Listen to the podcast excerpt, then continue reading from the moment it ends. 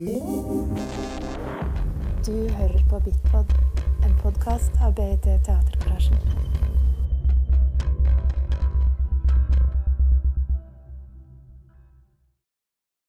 Yes, thank you. So I was I got an email a few days ago. So I was was also surprised about. Uh, I, I really was curious to see what you'd put together here with the piece. Um, and I was asked to contribute with climate, and I was like, okay. So I'm a climate scientist. I'm uh, I'm actually a meteorologist, so I'm a professor at the university in Bergen. I work uh, or research mainly uh, how storms develop. You get a lot of them in Iceland as well. Yes. uh, so low pressure systems, and um, I work more on the theoretical side. So I'm more like on the mathematical and modeling side. But I uh, I also have a big love for art and music and opera or ballet or theater. And I was involved in several art projects so far already. So I had um, an artist. One was a painter. The other one was um, she um, she took pictures and then uh, cut. Like uh, I'm not quite sure you call it. She cuts them out and makes like an art piece of art. Everything was inspired by the science that we do at our climate center. So it was a very kind of collaborative effort. And then um, I was involved in two book projects with, with photographers, which was very interesting. And then I was involved with a concert series with the Bergen Philharmonic. So we had four, well, four concerts planned. Um, was a whole series. It was called the Next Step. It was kind of in the the 50 anniversary of the moon landing, and we had like a theme from space, ocean, climate, and then the last one, which is also very close to what you, was about humankind. But unfortunately, that was cancelled because of the pandemic. So, but but I very much enjoy working with artists, and I find find it very inspiring. And usually, I think a lot of people. I'm curious also here, the audience, or maybe also the artist. Um, a lot of people think of science and art to be very unlike, and I think that's actually very untrue. I think we're very very similar. Yeah, and you feel the same. So, so it's, uh, we can talk a bit more about this, but to me, it's like one cannot be a scientist without being an artist as well, for some extent. Yeah. So that's me. Should I introduce myself shortly? Yeah, so uh, my name is Bára Sigfúsdóttir, and I'm uh, from Iceland, but I'm based in Oslo, and uh, I'm a dancer and choreographer, and um, I've uh, since uh, yeah my uh, studies of dance, I um, I got very interested in uh, exploring uh, the relationship of the body to the nature and how the nature can be manifested in the body. And and uh, I um, I was curious in how to work with the body uh, to communicate somehow and in this idea that we all have a body. So there's something very uh, something that connects us at a very kind of basic deeper level and uh, like all humankind in the world. And and uh, but also this uh, how how to work with the body in a visual sense. So i'm interested in working with the body as this uh, as a matter as this uh, window to see beyond the body. So when uh, so i have this kind of metaphor that i like to think of the body if the body is like a window so it's like if you look through a window and if you just focus on the glass you don't see very much it's blurry but if you if you allow yourself just to look through and see beyond um, there's a lot to be discovered and I, and I think it's interesting to work with the body as a window that you see references you, you, you see things through the body so the body is just a tool in that sense like a visual tool to to go beyond it in that sense. Uh, then back to our own imagination also because we all see and feel and sense through our backgrounds and through our experiences. Uh, so I always find that uh, very interesting and um, and and and yeah. So I've done different performances some uh, more on this relationship and then also I've worked uh, closely with a musician. I'm in London who also did the music for this uh, performance and who's also my partner. Uh, and um, and uh, and then I have a trajectory that I've also been working in Iran for several years in the dance field there. So that's also a very large part of me to work with a dance scene there. And uh, where there is a censorship of dance but that's a, that's a different different side. But I feel these are like the my uh, very close topics of interests when I'm working and creating, and uh, and I couldn't agree more with uh, because I feel also as an artist like we are somehow researchers, so we are just always asking questions, just like scientists. So I, I I also feel scientists are artists, and I I actually worked closely with a philosopher also for this performance, um, who gave us very beautiful exercises and tools, uh, also generating to the to the process. Yes, an Icelandic philosopher, Guðbjörg Jóhannesdóttir. Yeah, yeah. Um, my name is Meri Painpa. I'm a dancer and a choreographer living in Finland, from Finland. Um, I used to live in Amsterdam in, and in Brussels before, but now back back in Finland, and we know each other since quite a while. Like I think we were studying in the school in Amsterdam at yeah. the same time, and. Yeah after several years, we ended up working in in Bára's project. Maybe I have a question already. So, so for me, uh, um, especially this piece, which made quite an impression on me. So I've always wondered. For me, as a scientist, I'm inspired by trying to understand what's going on out there. For me, it's the weather. Yeah, so I try to understand the weather, and that's what inspires me. And every time I figure out a little detail, I'm very pleased. So I'm, I'm wondering when, when you start a piece like this, what what is it that inspires you? Also, bit particular with the choreography.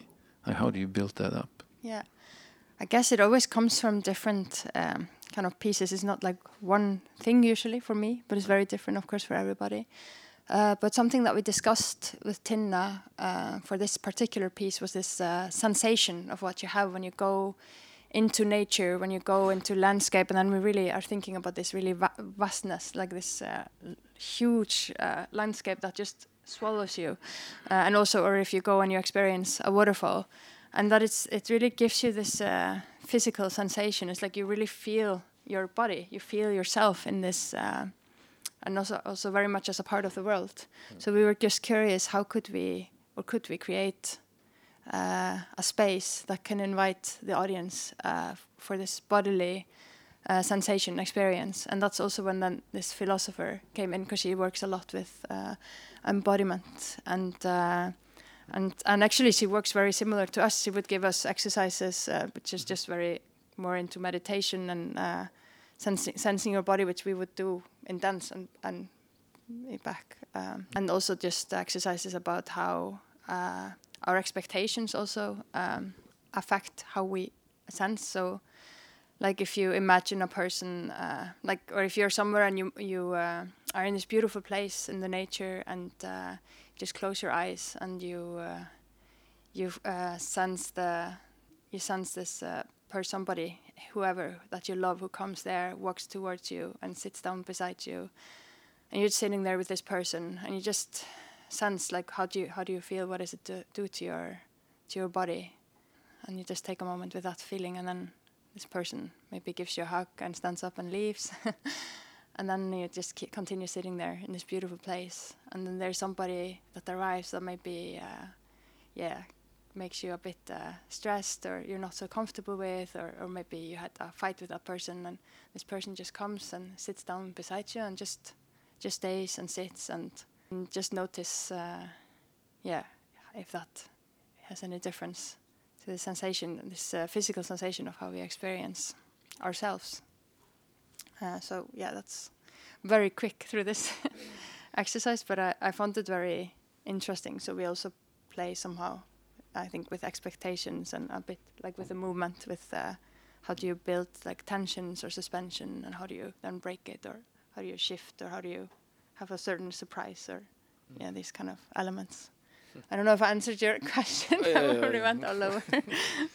no, very much so. Yes, I was uh, so th that's very so for um, communication. I, I, that's what I was trying to get at. So, so um, for scientists, as you mentioned, emotions now and feelings, right? That's usually something that we try to keep out of our business usually. Uh, because then uh, you kind of you might jeopardize that someone takes you serious, right? So, but but I've, I, communication, I was I was wondering about that in, in addition. So, so for us, it's uh, we always we have to communicate something new, right? So that's, that's you can't be a scientist without finding something new. And um, again, like I guess for the artist, it's the same. There's always this quest for something new, and then. Um, for us when we communicate, uh, well, it's mainly in written form or we talk about it. And uh, whereas you, and I, I think that's also what you said, in art in general, you try to evoke something else in the audience that communicates with the audience in a way. So I, I'm just, I'm wondering what can we, because that was the title of the evening, I just realized on the poster, what can we learn from each other? So uh, science and, and art and yeah, so the communication. So so I was I was just wondering if you could say a bit more like when you when you do a piece like this and I guess every artist has a wish to communicate. Yeah, so so how do you ensure that that what you intended goes out there? How do you yeah. I guess uh, for me, there's also I can never ensure it, and I, in a way, I don't want to have a quest to ensure that you uh, receive a piece in a specific way. You can only create an experience that potentially brings uh, certain references and certain sensations, and then we all uh, perceive through our yeah again like our backgrounds, our experiences, our knowledge base, and uh, and I think it's also interesting what you say about how science, uh, of course, and I understand. I mean, it has to do with facts, and it's so precious also to be able to hopefully read real facts that are true. Um, but then I think because you see it also over the years that I mean, scientists and artists are working more and more together, and very much also when it comes to climate climate change. Uh, maybe because there is this um, uh, bridge. Uh, to create more between in, in terms of communication uh, because i think i mean emotion our emotions are so important how we feel about things how we sense things how we experience things uh, it, it really that's also what really drives us in a way also in our lives like when we really feel feel for something it there is that uh, i think that can be a strong reason to to act which is probably what we need very much Yeah, tha- that's a bit I- or, or how do you feel about that? yeah, no, I, I, I very much agree. So, so uh, I was also more wondering when you communicate something, how uh, how it lands. Like if if I, as a scientist, you know, or we as scientists say, you know, the, the the sea level will rise such and such, some islands disappear, and so forth. Billions of people will be displaced. It's very abstract, and it's a f it's of course a fact, and it's a fact that's very disturbing. But I mean, like, I'm not quite sure if it did anything to you guys now when I said that, right? So, so it's it, it doesn't really do anything with you. I mean, I, I, you I felt it, know. yes. Yeah, I mean, you, but, but yeah, okay. As an artist and stuff, maybe you, you feel differently. But but so that's kind of where uh, also where you say like we work more and more also our climate center with artists because we realize the facts are not enough. So so there needs to be a. It's not about scaring or anything. It just needs to be a, a different type of comprehension. And But I think the what you just mentioned with the arts and kind of, you can make a much bigger picture in terms of engaging what what people think about and feel about. So that's what I was trying to. Yeah. And I guess it also just comes down to that. I mean, we are all so different, and we all also kind of experience uh, and take in information differently. So also for some people, it's uh, facts speak more strongly, whereas for others, uh, other kind of experiences speak more strongly. Do you have something to add? Uh, no, no. But I was thinking also that maybe for I think art can reach a certain like a different place in a human human being than than science. Like that maybe we, we process the information from science in a, in a different part of our brain than mm-hmm. than maybe more the felt experience of Yeah. an art art piece or art performance. Mm-hmm. Mm-hmm. Yeah, because in the e- and it's also, of course, not like we are separate with our mind and our body, which we- like we are beyond that. Yeah, yeah, uh, that's that's true, yeah. right? Yeah, and, and but it's often that you know in science we say it's the rational part, it's only the thinking, right? Whereas uh, in that, that's what I find so interesting with art, right? Because it uh, often first evokes emotions, so you feel something, but then, as you say, you're be- being right. So, so for example, uh, the whole time I was sitting in there, and I mainly it's all these impressions, emotions, but then you try to kind of sort them in yourself and figure out what what, what, what does it mean for you now? How do you, how do you? okay, I'm a scientist, so I try to interpret the whole time as mm. well, right? So, mm. but um, then sometimes you just decide, no, I'll switch off now and just mm-hmm. let it wash over me and see what mm. it does with me, right? Um, and I think that's kind of what uh, what we feel as scientists, that's kind of what needs this additional layer in the deb in the debate, or not only climate, like in general. If you wanna, if you wanna be in touch with someone, and you need some other ways to connect and just talk the facts. Yeah. Mhm. So that's why I think it's very nice to work with art. This is why I like doing it as well. So, but I was wondering, so have you? I mean, you already mentioned you reached out to to a philosopher, but have you also seeked other contacts to scientists or more fact-based? now uh, there there is this um, uh, residential space in Germany in, in Potsdam that actually they are, have started a festival a couple of years ago called Kunst und Klima, and uh, and that is actually like a base of artists and scientists that they want to uh, create uh, dialogue. I will actually ask them to invite you if you're interested because it's very much up how you're al- in your alley how you say it in English. But yeah. Uh, so I, I actually because I have a young daughter and it's been a very chaotic winter. I haven't been able to participate in the zooms yet, but it's something that I'm I'm keen on uh, on joining because I, I heard that it's it's something very interesting because they really want to place more in this also casual dialogues, just uh, not necessarily to get to a conclusion, but yeah, I don't know. I mean, sometimes it's good to get conclusions, but also when there are things are large, it's also just nice to ask the questions because when you have the questions, and even when you leave the questions, the question kind of stay in your body or at the back of your mind, and sometimes you, you know, and I think that's very important. And I think sometimes also like when creating work like this one is not to make you feel a certain way; it's just to uh, invite for an experience that hopefully lives on after you see the performance, and that brings, um, evokes hopefully potentially something. And if not, that's also fine, you know. uh, yeah. Uh, Potsdam, that's actually one of the the artists I work with. Okay. lives yeah. there. So I wonder if she's will be- involved. yeah, probably. Maybe she's involved there, so that would be interesting. Yeah, yeah. She has a studio there. Yeah. Yeah. Mm. I was very concrete now. I really like the. It, there was when you all the three of you were on the back and you had the feet up Yeah. and also the hand up. I think it's also the picture on Yeah. on this one here. I, I really like this. I mean, like. Uh, I'm now completely off science, but to me that that uh, was the strongest emotion in a way because it kind of felt like that mm, you three started to connect and everything starts to grow together and and I I wonder it's like for me then also this is kind of now there's not a, any science relation to climate, but it still gives you a sense of we're all in this together. I don't need to talk about anything specific, right? So, but but it's kind of this we're all in this together. And I was just wondering how how do we come up with pictures like this? Well, p- um, me particularly, I always uh, work a lot through improvisation and and then dialogues. So we actually and then Mary and Ayla, who is also a part of the project, uh, the third dancer, who actually made the uh, photo because she's also a photographer as a side career. She makes wonderful uh, photography work.